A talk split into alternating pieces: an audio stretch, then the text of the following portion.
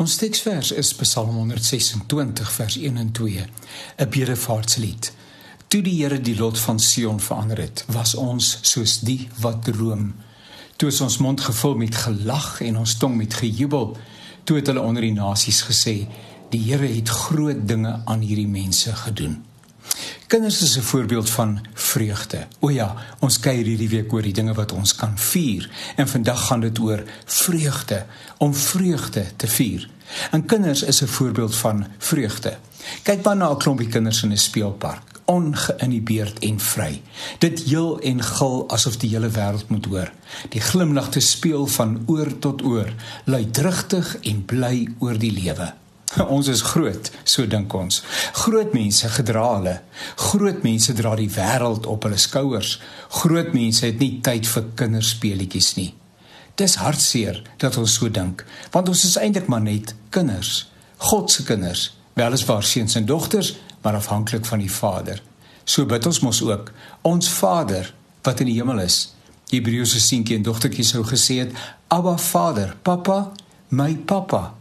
Klink dit soos beswaarde groot mense wat soos Atlas verantwoordelikheid probeer vir die neem vir die res van die wêreld? Lag is deel van vreugde. Mense wat weet sê lag is terapeuties. Suid-Afrikaners het die merkwaardige vermoë om die snaakse in goed raak te sien. Dis nie lank na een of ander trauma getref het nie en konkslaaf weer klink. Dis nie lasterlik of 'n slegte smaak nie, maar dit maak die swaar ligter. Dit help ons om tot verhaal te kom die ou mense sou gesê het van lekker lag kom lekker huil. Hulle het vir ons gejok. Van lekker lag kom 'n lekker dag, moet ons veel eerder spreek. Geseënd is die grapjasse onder ons, die poetsbakkers, die wat ander se been trek, soms tot aanvanklike ergernis van die persoon, maar later 'n skaterlag tot gevolg het. Ons het meer stoutigheid nodig, mooi ja, heilige en geheiligde stoutigheid. Ek twyfel nie dat Jesus en sy disippels grappies uitgeruil het nie. Stel jouself dit voor. Jesus sit saam met sy binnekring en vra: "Het jy die een al gehoor?" En dan luister almal aandagtig en word daar ekstra lekker gelag vir die een van die disippels wat eers later agter die kap van die byl kom. Lag vir jouself, jou lompheid oor jou eie voete val, jou mannerismes, gewoontetjies, voor en afkeere.